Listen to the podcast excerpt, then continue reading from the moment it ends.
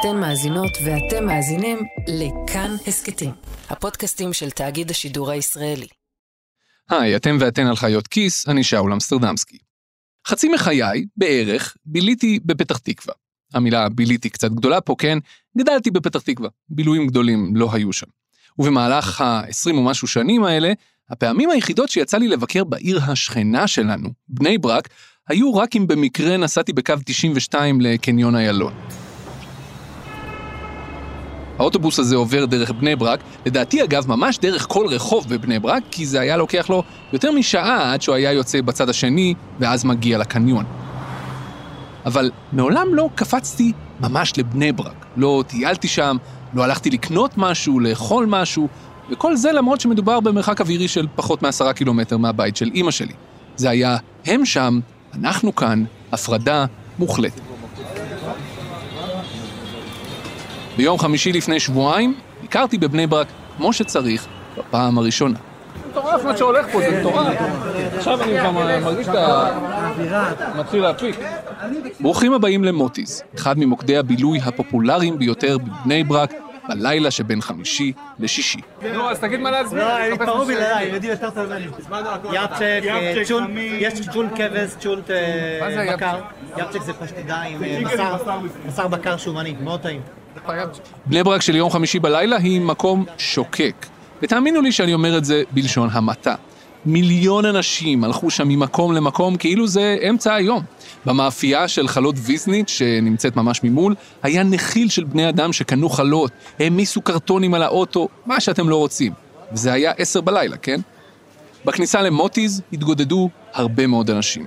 חלקם היו צעירים חרדים, מיעוטם מבוגרים, היו גם כמה חבר'ה חילונים לגמרי, גם צעירים, גם מבוגרים, שניכר שהגיעו מחוץ לעיר במיוחד לכאן בשביל לאכול משהו, תיירים. מוטיז הוא מקום של צ'ולנט, צ'ונטייה, או איך שלא אומרים את המילה הזו.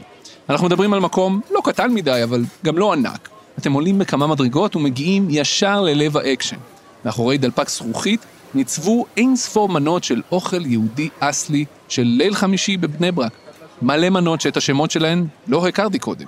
יאפצ'יק ובאבצ'יק ו overnight ואלזלח וכל מיני כאלה. וגולת הכותרת, הצ'ולנט, מנת בשר עם עדשים ותפוח אדמה ברוטב, שהתחילו להתבשל יותר מ-24 שעות קודם לכן. טירוף מוחלט. אני, תקשיב, אני כל השבוע, ראשון, שני, שלישי, רביעי, זה מנוחה. אני כאילו בחמישי, מחברים אותך ברכב חשמלי, חברו אותי להתנה. זהו, זה. בעזרתו האדיבה של אביתר, שמנהל את העסק, בחרתי כמה מנות, ונכנסתי פנימה, לחלק הרחב יותר של המסעדה, איפה שהשולחנות. פתחנו לנו שולחן, וישבנו לאכול. ומה אני אגיד לכם? זה היה ממש ממש טעים. וואי וואי וואי. זה טעים רצח. והסיבה שאני מספר לכם את כל זה, לא בגלל שאני מנסה לשדל אתכם לנסוע בליל חמישי לבני ברק, למוטיז או לכל צ'ונטייה אחרת. אגב, ממש מומלץ. הסיבה שאני מספר לכם את זה, היא אחרת לחלוטין. חוק הגיוס הוא הנושא הנפיץ ביותר בקדנציה הנוכחית מול המפלגות החרדיות, ואם לא יגיעו להסכמות בתוך הקואליציה, משבר קואליציוני הוא רק עניין של זמן. אה, אני לא מבין אותם, את האמת, כי מצד אחד גם מלא שמאלנים בתל אביב לא מתגייסים, מלא, מלא, זה לא רק אנחנו לא מתגייסים החרדים, יש גם מלא שמאלנים שלא לא מתגייסים. על שמאלני, אני לא יודע לא ללכת לצבא, פשוט כי לא בא לו, אנחנו, כי אנחנו חונכנו דרך אחרת, אז אנחנו הולכים למה שחינכנו פשוט. ברגע שאנחנו מתערבבים איתכם, עם חילונים, איך אומרים, נאבד החרדי, נאבד. רואים אנשים שלא צריך לראות, מדברים, הם מדברים דברים שאנחנו לא צריכים לשמוע. זה מוריד ביראת שמיים, זה מוריד לנו בהכל, מה? זה הפחד בעצם? בטח שזה הפחד. זו הייתה הסיבה שבגללה נסעתי לבני ברק. לשמוע מה החרדים חושבים על עניין הגיוס לצה"ל, ומה בעצם הם רוצים. לא להתגייס, ללכת לעבוד, אולי משהו אחר. כי גם אם נרצה וגם לא, לסיפור הזה של חוק הגיוס יש דדליין. בחודש יולי הקרוב תפוג לה הארכה האחרונה שנתן בג"ץ, ומשהו יצטרך לקרות. או שהממשלה תביא חוק גיוס חדש, או שהסמכות של שר הביטחון לפטור את הגברים החרדים מגיוס תפקע, ואז הם יהיו חייבים להתגייס. לכאורה. אבל האמת שזה לא רק זה. חוק הגיוס בסוף הוא רק סימפטום. השאלה אם לגייס או לא לגייס חרדים היא תת-שאלה בתוך שאלה הרבה יותר רחבה. האם החרדים בפנים או בחוץ? לא רק בגיוס, אלא בכל. אז השבוע בחיות כיס, האם גם החברה החרדית בישראל אחראית לגורלה, עתידה ושגשוגה של מדינת ישראל כולה, וגם של הכלכלה הישראלית, או שרק הפלחים האחרים באוכלוסייה מטרידים את עצמם בשאלה הזו? היום החרדים מהווים בערך 12-13 אחוזים מהחברה הישראלית. מה יקרה בעוד 15 שנה כשהם יהיו 20 ומשהו אחוז מהחברה הישראלית? או בקיצור, מה החרדים רוצים?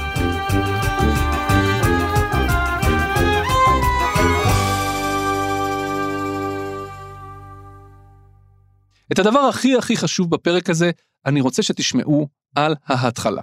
קודם כל, אה, כשמדובר על 1.2 אה, מיליון אנשים, אז התשובה היא תשובה מורכבת, כלומר, לא כל החרדים רוצים את אותו דבר. מי ששמעתם עכשיו הוא דוקטור שוקי פרידמן. הוא סגן נשיא במכון למדיניות העם היהודי, והוא בעיקר בן אדם עם ניסיון רב והיכרות רבה, גם עם המערכת הביטחונית וגם עם החברה החרדית. אני עוד אחזור אליו בהמשך, אבל כבר על ההתחלה היה חשוב לי להבהיר דבר אחד מאוד חשוב. אפילו שרצינו לא לדבר על החרדים, אלא לדבר עם חרדים, זה עדיין לא אומר שתפסנו את כל הניואנסים של החברה החרדית. זה בלתי אפשרי לעשות דבר כזה. מה שתפסנו הוא סנטימנט מסוים בקרב חלק מסוים בתוך החברה החרדית. האם זה מייצג את כל החרדים? לא.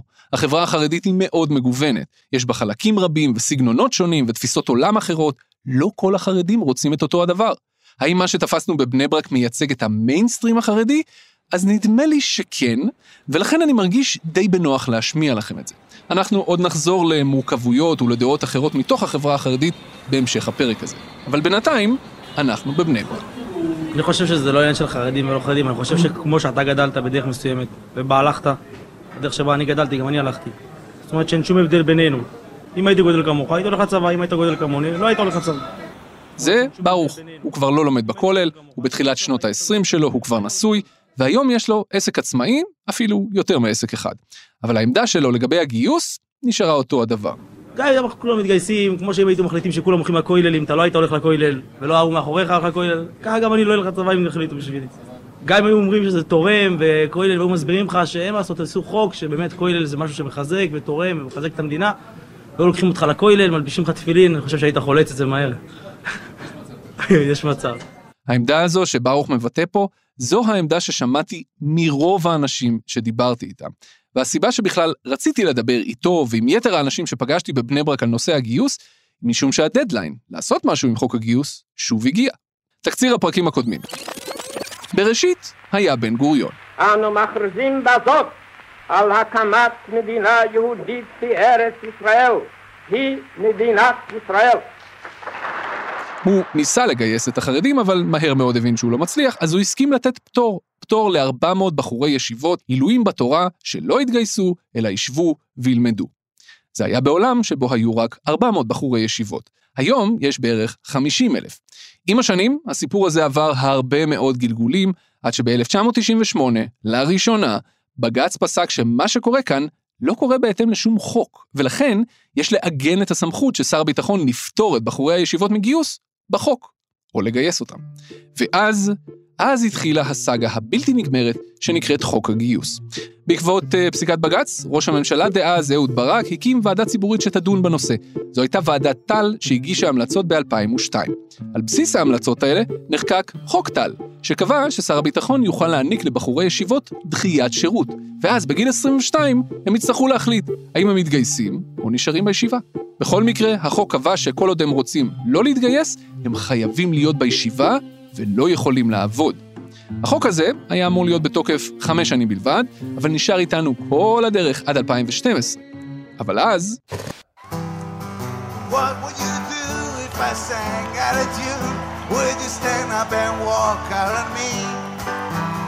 ניצחנו! בבחירות 2013 יאיר לפיד זכה עם יש עתיד ב-19 מנדטים ונכנס לכנסת על שתי הבטחות עיקריות, להילחם ביוקר המחיה ומחירי הדיור ולפתור אחת ולתמיד את השוויון בנטל הצבאי. איך? על ידי חוק הגיוס שיחליף את חוק טל, כי ממילא בג"ץ קבע שלא ניתן יותר להאריך את חוק טל, כי יש גבול לכל תעלול. חוק הגיוס של לפיד קבע מכסות לגיוס אלפי חרדים בכל שנה, אחרת הם יחטפו סנקציות.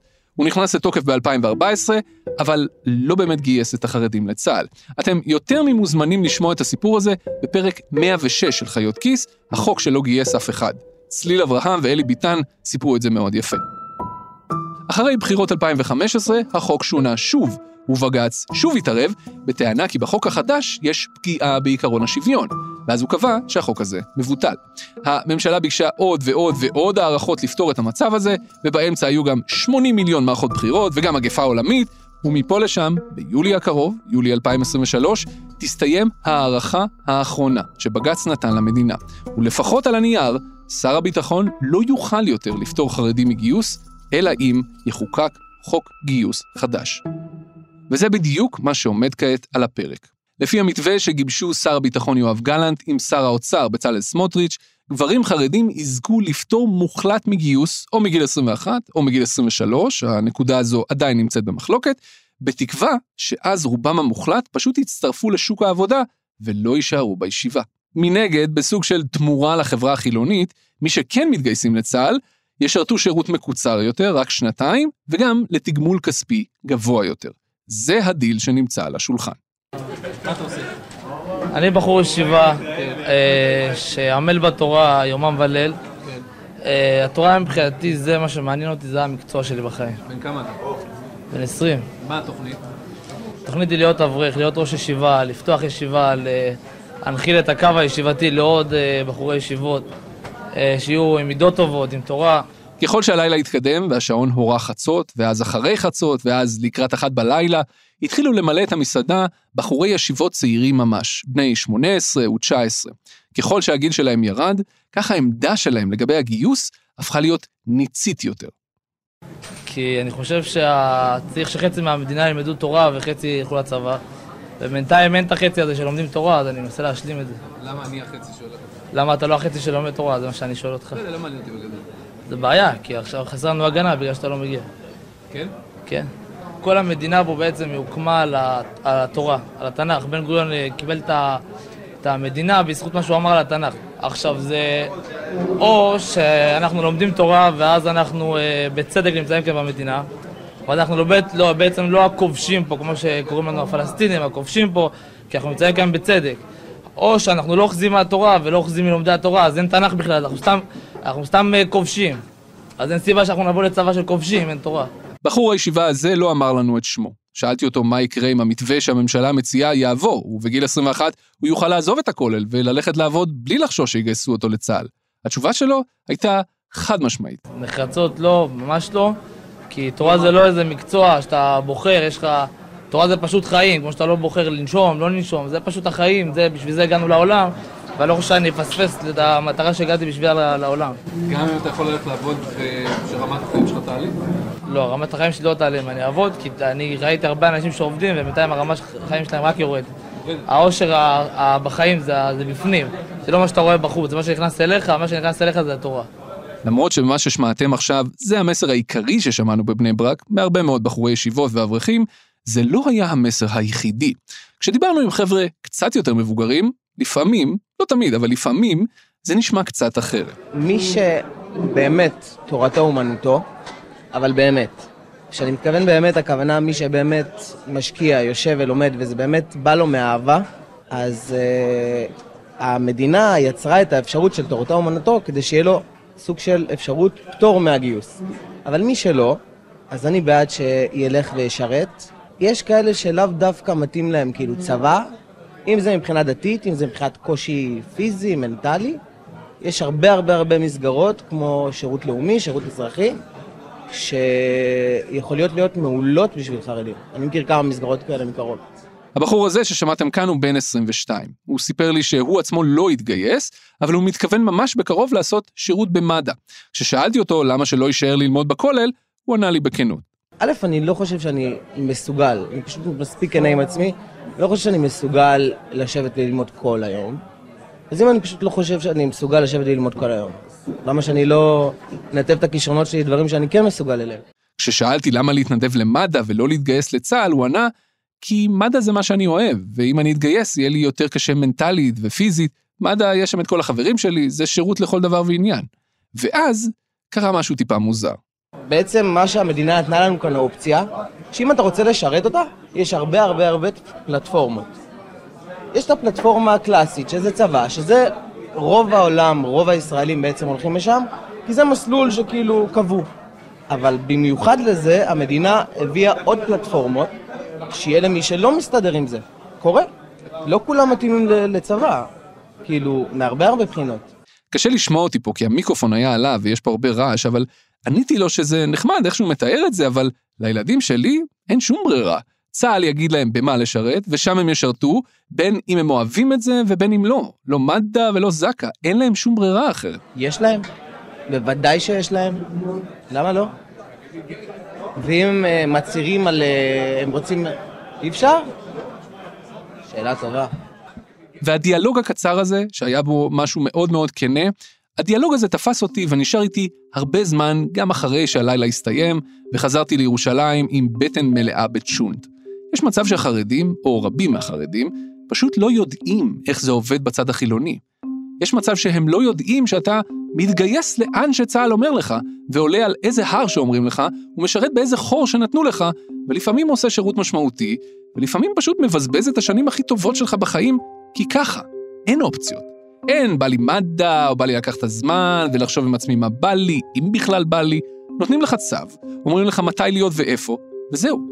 יש מצב שהחרדים פשוט לא יודעים את זה, או שהם פשוט לא הקדישו לזה מחשבה. כך או אחרת, דבר אחד היה לי מאוד ברור מהלילה הזה בבני ברק. הבעיה הזו, הבעיה של הגיוס, היא בעיה באמת מאוד מסובכת. ואנחנו אפילו לא קרובים לתחילתו של פתרון, כי הפערים כאן הם תהומיים ממש. אולי רק אלוהים יודע איך מגשרים עליהם.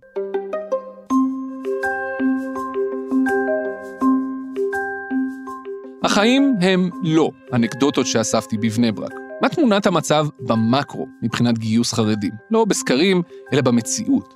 אז התשובה הכי טובה שיש לי היא, אנחנו לא יודעים, לא עד הסוף. אנחנו לא יודעים בדיוק כמה חרדים מתגייסים בכל שנה. הנתונים האחרונים שזמינים נכונים עבור שנת 2019. באותה שנה התגייסו לצה"ל קצת יותר מ-1,200 חרדים. ואם אתם רוצים לדעת אם זה הרבה או מעט, אז דעו שזה בערך שליש מהיעד הממשלתי שקבוע בחוק. ב-2019, הכתבת הצבאית של רשת ב', כרמלה מנשה, חשפה שהנתונים שצה"ל דיווח לאורך השנים על גיוס החרדים היו מפוברקים ומנופחים בכוונת מכוון. בעקבות החשיפה, הרמטכ"ל דאז, אביב כוכבי, מינה את אלוף רוני נומה לעמוד בראש צוות בדיקה שיחקור מה לעזאזל קרה פה, והצוות בדק וכתב ופרסם דוח חמור מאוד על כך שבתוך צה"ל הייתה מין תרבות של לחץ לעמוד ביעדי חוק הגיוס, מה שהוביל לניפוח פיקטיבי של המספרים.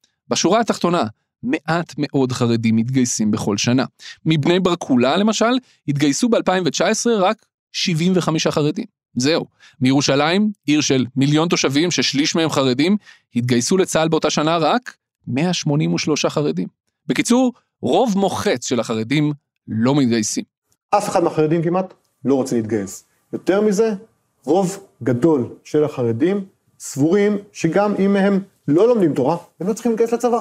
זה שוב דוקטור שוקי פרידמן מהמכון למדיניות העם היהודי ששמעתם קודם. לטענתו, הרצון לא להתגייס חוצה את כל המגזרים בחברה החרדית. גם ספרדים וגם ליטאים וגם חסידים. ויותר מזה, הוא נכון גם למיינסטרים החרדי, השמרני ממש, שמהווים בערך 60% מהחברה החרדית, אבל גם לחלקים היותר מודרניים של החרדים. השאלה היא רק, למה זה כך?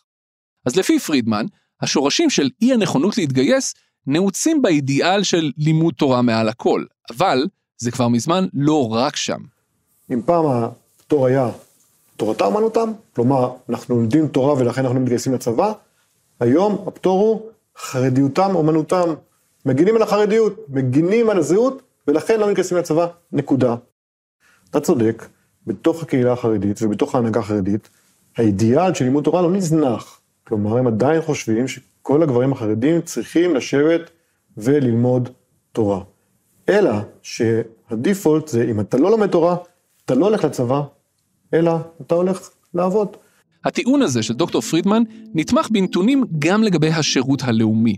אחד הטיעונים ששמעתי שוב ושוב בבני ברק, הוא שחרדים אולי לא מתגייסים, אבל שהם מתנדבים לשירות אחר, נגיד לשירות הלאומי. הנתונים מראים אחרת. ההתנדבות של החרדים לשירות הלאומי נמוכה למדי מלכתחילה וגם נמצאת בירידה. בשנת 2016 בערך 1,500 חרדים התנדבו לשירות הלאומי, בשנת 2020 המספר שלהם כבר ירד ל-1,200 בלבד. זו ירידה של 20% בתוך ארבע שנים. החרדים אולי מתנדבים במסגרות חרדיות משלהם באופן עצמאי, אבל על כך אין שום מעקב, שום פיקוח ושום נתונים.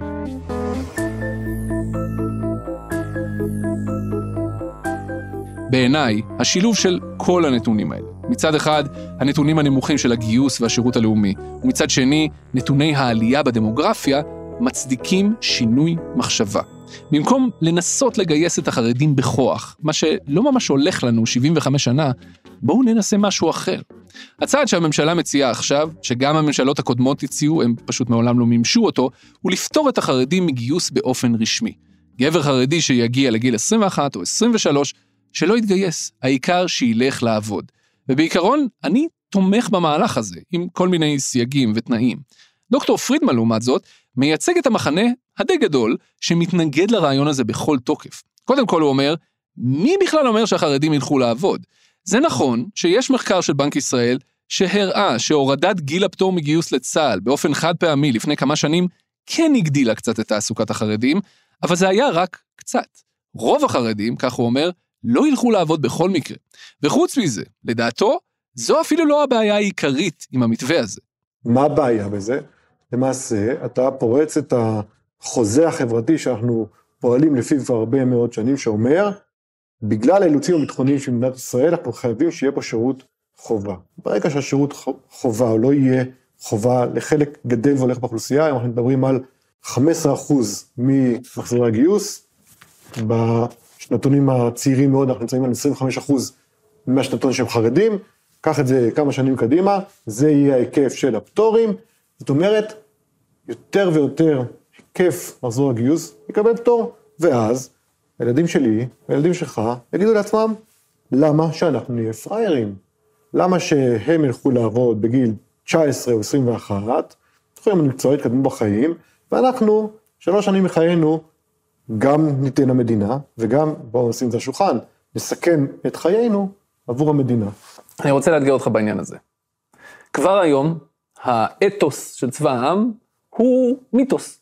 בעצמך אמרת, שליש כבר לא, חצי מהם זה בגלל הפטור, הדמוגרפיה אנחנו יודעים לאן היא הולכת, מה שאומר שעוד ועוד ועוד ועוד אנשים לא יתגייסו, רובם בגלל תורתם אומנותם. כך שבכל מקרה, הילדים שלך והילדים שלי, בשלב מסוים יתפסו את הראש ויגידו, רגע, למה אנחנו כן והם לא? גם אם המדינה לא תפתור אותם בפועל, אלא רק uh, כזה. מה זה משנה? בואו כבר נעשה את זה, ובסדר, ונשחרר כמה אנשים לשוק העבודה, לא כולם. הבעיה היא אחרת אבל. בעצם השאלה היא לא רק שאלת הגיוס, אלא איך תראה מדינת ישראל. בסופו של דבר יש פה שאלה ערכית. האם אנחנו חיים פה מדינה שבה האתוס הבסיסי הוא חילוני והנכונות של כולם לשרת אתוס כזה, או שאתה מאפשר לחרדים לפרוץ את האתוס הזה, גם דרך צבא העם וגם בהקשרים אחרים, והמדינה שאנחנו חיים בה תלך ותיראה אחרת.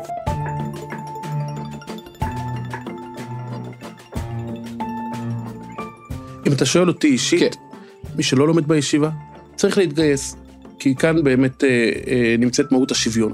מי ששמעתם עכשיו הוא אריה ארליך. הוא עיתונאי חרדי, עורך המגזין של עיתון משפחה, המגזין החרדי בעל התפוצה הגדולה ביותר, והיחידי שהוא עצמאי ולא משרת את הקו של אחת המפלגות החרדיות. ארליך מבקש להציג תמונה קצת יותר מורכבת של מה החרדים רוצים. החברה החרדית באופן היסטורי אומרת למדינת ישראל, נכון שיש אה, אתגרים ביטחוניים, נכון שמדינת ישראל מוקפת אויבים, נכון שיש אה, אידיאל של צבא העם, אבל לנו יש שליחות אה, משלנו, והיא לקיים עולם תורה, להבטיח את העתיד של העברת המסורת התורנית מדור לדור. אבל הפטור הזה ניתן רק למי שבאמת לומד תורה.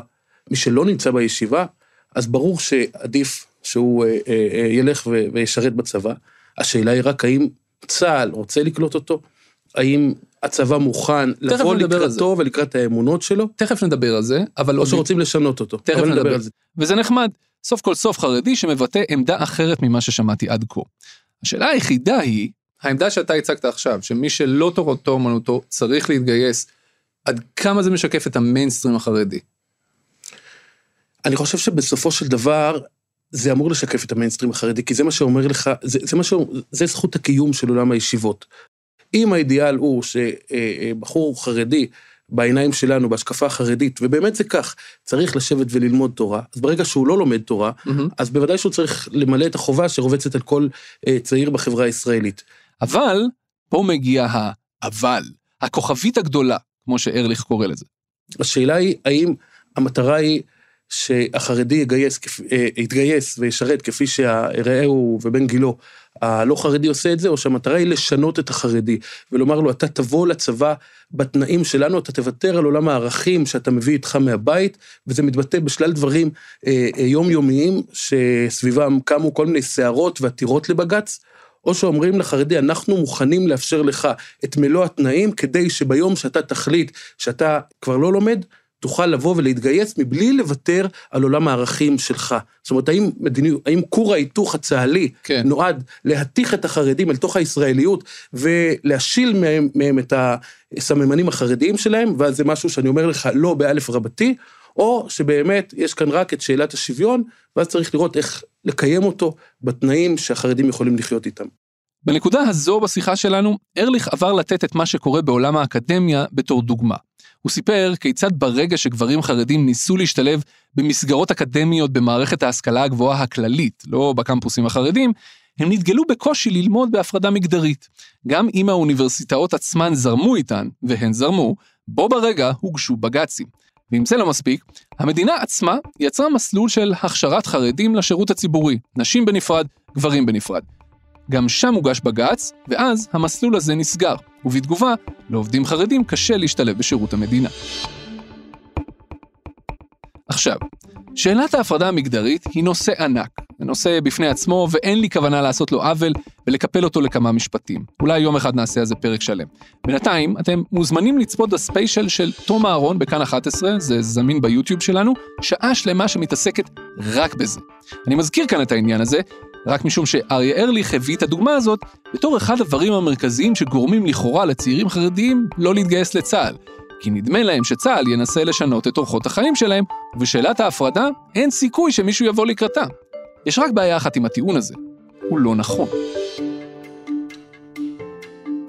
צה"ל יצר כמה מסגרות ייעודיות לחרדים. המפורסמת שבהם היא הנחל החרדי, גדוד נצח יהודה, שמאפשר שירות קרבי לחרדים. אבל יש עוד. למשל, שחר כחול ושחר ירוק, שמאפשרים לחרדים שירות לא קרבי. המסלול הזה התחיל ב-2007 בחיל האוויר ולכן קראו לו שחר כחול. גברים חרדים שמתגייסים לצה"ל למערך הטכני של חיל האוויר. והצבא הלך לקראתם בשורה של תחומים. כשרות מהדרין באוכל, שעות תפילה, תגמול כספי על זה שהם אנשי משפחה ויש להם ילדים לפרנס, ובעיקר, הם משרתים רק עם גברים. אחרי שהמסלול הזה התברר כמוצלח, הוא התרחב ליתר צה"ל, וכך נהיה גם שחר ירוק. בעיקר בחיל המודיעין, אבל לא רק שם. וגם שם, אותם תנאים, שירות כשר בהפרדה מגדרית. וזה עובד. מספרי הגיוס נמוכים יחסית, כי החרדים לא רוצים להתגייס, את זה כבר ביססנו, אבל עבור מי שכן מתגייסים, הם יכולים להישאר חרדים. נקודה. ולכן לדעתי, הטיעון של ארליך לא מחזיק מים. אמרתי לו את זה, אבל הוא חזר ואמר, שמאחר שיש התנגשויות בין חרדים לחילונים בשאלת ההפרדה המגדרית, ובשאלות נוספות, גם מעבר למסגרת הצבאית, זה מחלחל לתפיסה הכללית של איך החרדים רואים את החילונים. כלומר, לטענתו המסר הכללי שהחרדים מקבלים מהחברה החילונית, הוא שהחילונים רוצים שהחרדים יפסיקו להיות חרדים. ולכן מבחינתם, זה מה שיקרה אם הם יתגייסו לצה"ל. ועם זה הוא אומר, החרדים לעולם לא יסכימו. להפך, זה רק גורם להם להגביה עוד יותר את החומות סביב המבצר החרדי שהם בונים.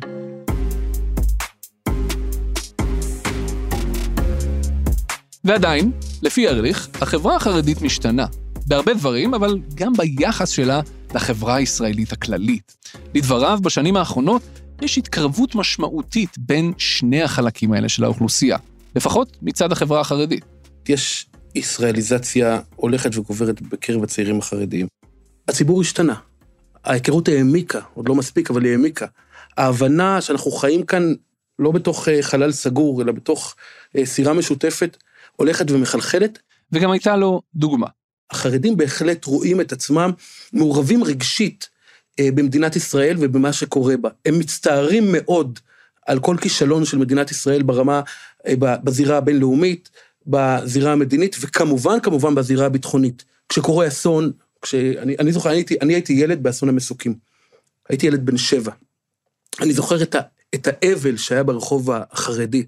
אני זוכר את הבכי, שמע, שמענו ברדיו בלילה על אסון המסוקים, ו, וזה היה ממש, כאילו, בכינו, וזה משהו שהוא מובן מאליו. זאת אומרת, אפשר לדבר הרבה על השאלה האם החרדים אה, תורמים מספיק למדינת ישראל אה, בצבא ובכלכלה, אבל אי אפשר לערער על השותפות החרדית, על ההבנה.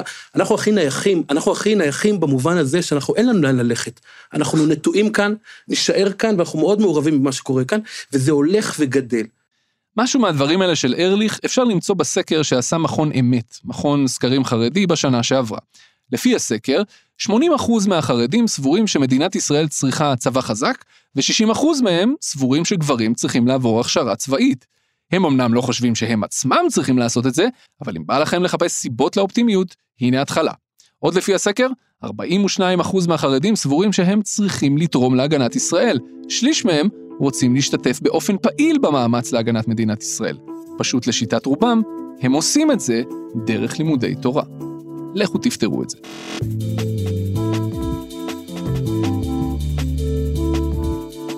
לא הצלחתי להחליט עם עצמי אם יצאתי מהשיחה עם אריה ארליך יותר אופטימי או יותר פסימי.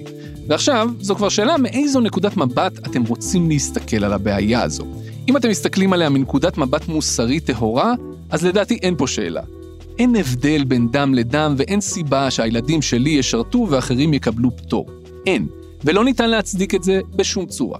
זו למשל נקודת המבט של דוקטור שוקי פרידמן, מהמכון למדיניות העם היהודי, ומבחינתו, הדבר הפרקטי שצריך לעשות הוא לגייס את החרדים. כן, לגייס את החרדים.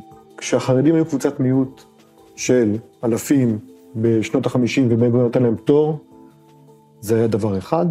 כשהחרדים הם 13% מהאוכלוסייה, זה דבר אחר לגמרי. והיכולת לאפשר לקבוצה גדלה והולכת לא להיות חלק מהישראליות ולא להיות חלק מהנטל הישראלי, גם בנושא הגיוס, בלתי אפשרית. לכן התשובה היא, כן, אפשר בטווח הארוך לגייס הרבה יותר חרדים. יישארו כאלה שלא יתגייסו, יהיו הרבה יותר שכן יתגייסו. איך לדעתו אפשר לעשות את הבלתי אפשרי? על ידי תמריצים כלכליים שליליים. אם מחר בבוקר, בתהליך מדורג, המימון הממשלתי לאורך החיים החרדי ייקטע, גם הטרנדים באוכלוסייה החרדית ישתנו בכל הפרמטרים. אבל אמרת בעצמך, הם לא רוצים להתגייס, נקודה. אין, אין שום גורם כיום שדוחף אותם לגיוס. לא הממשלה, לא הקהילה, לא הכלכלה, שום דבר לא דורש או מניע אותם לגיוס. גם לא הפרנסה דרך אגב. עכשיו, אני מודה, אני חושב אחרת מדוקטור פרידמן, משתי סיבות. קודם כל, למרות העוול המוסרי, שאני מסכים שהוא מתקיים, בעיניי סוגיית הגיוס עצמה היא לא הדבר הכי חשוב ביחסים שבין החברה החרדית ליתר החלקים של האוכלוסייה הישראלית. בעיניי, שאלת הגיוס היא רק שאלה אחת, בתוך שאלה רחבה יותר. האם החרדים רוצים לקחת חלק בחברה הישראלית, בהתפתחות ובשגשוג שלה, גם השגשוג הכלכלי, או שהם רק רוצים להמשיך להתבדל ולהמשיך לבנות את המבצר. ואם אני מסתכל על הבעיה הזו מנקודת מבט פרקטית, אז אני חושב שעדיף להתחיל משאלת ההשתלבות בשוק העבודה, ולא משאלת הגיוס. קודם כל, לדעתי הפתרון שדוקטור פרידמן מציע, תמריצים כלכליים שליליים, פשוט לא ישים מבחינה פרקטית. גם משום שאני לא יודע אם התמריצים הכלכליים לבדם יספיקו בשביל לגייס את החרדים. נתוני העבודה מראים ששיעורי הגיוס נשארים פחות או יותר זהים, בלי קשר לאם יש גזרות לפיד, או גזרות ליברמן, או נתניהו, או אם אין גזרות. וחוץ מזה, משום שאם מסתכלים קדימה על הדמוגרפיה, סביר להניח שברוב הממשלות העתידיות יהיו מפלגות חרדיות, ובמבנה פוליטי כזה, אין הרבה סיכוי שתמריצים כלכליים שליליים מהסוג הזה בכלל יגיעו לשולחן. אנחנו נמשיך ללמוד תורה. אתם לא תיגעו בנו בגלל שלא תהיו בשלטון.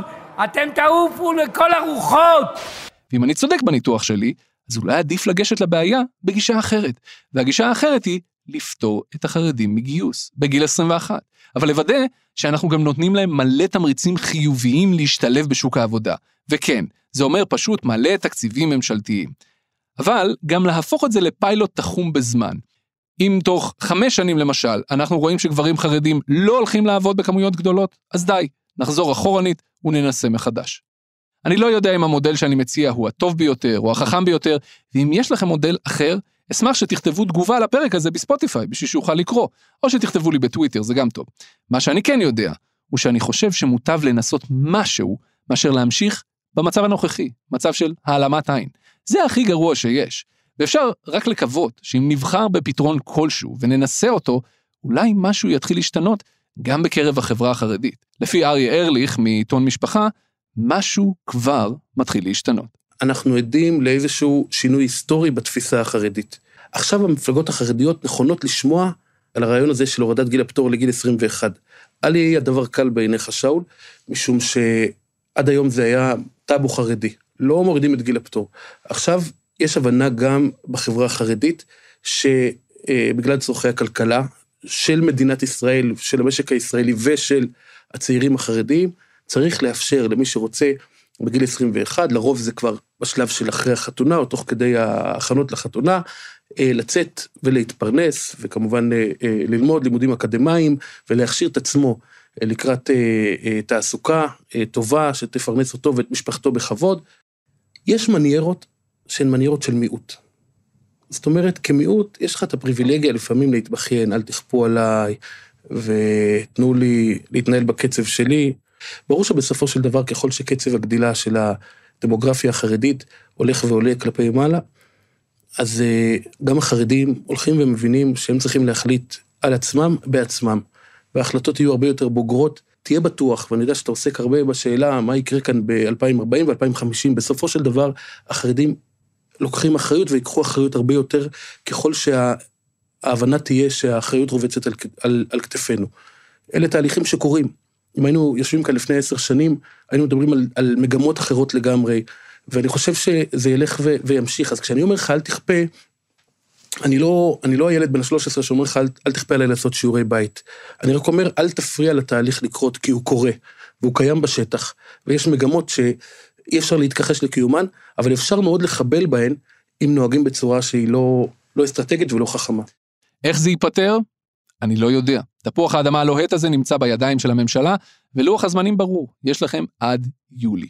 האם שר הביטחון יואב גלנט יגיש לממשלה ולכנסת את חוק הגיוס שלו? האם הממשלה פשוט תבקש הארכה נוספת מבית המשפט? מאוד בקרוב נגלה. בכל מקרה, ברור שהמצב הזה של לא ולא, לא מתגייסים ולא יוצאים לעבוד, לא יכול להימשך. הממשלה מבינה את זה, בחברה החרדית מתחילים להבין את זה, ועכשיו, השאלה היא איך מוצאים מודל חדש שמבטא את ההבנה הזו.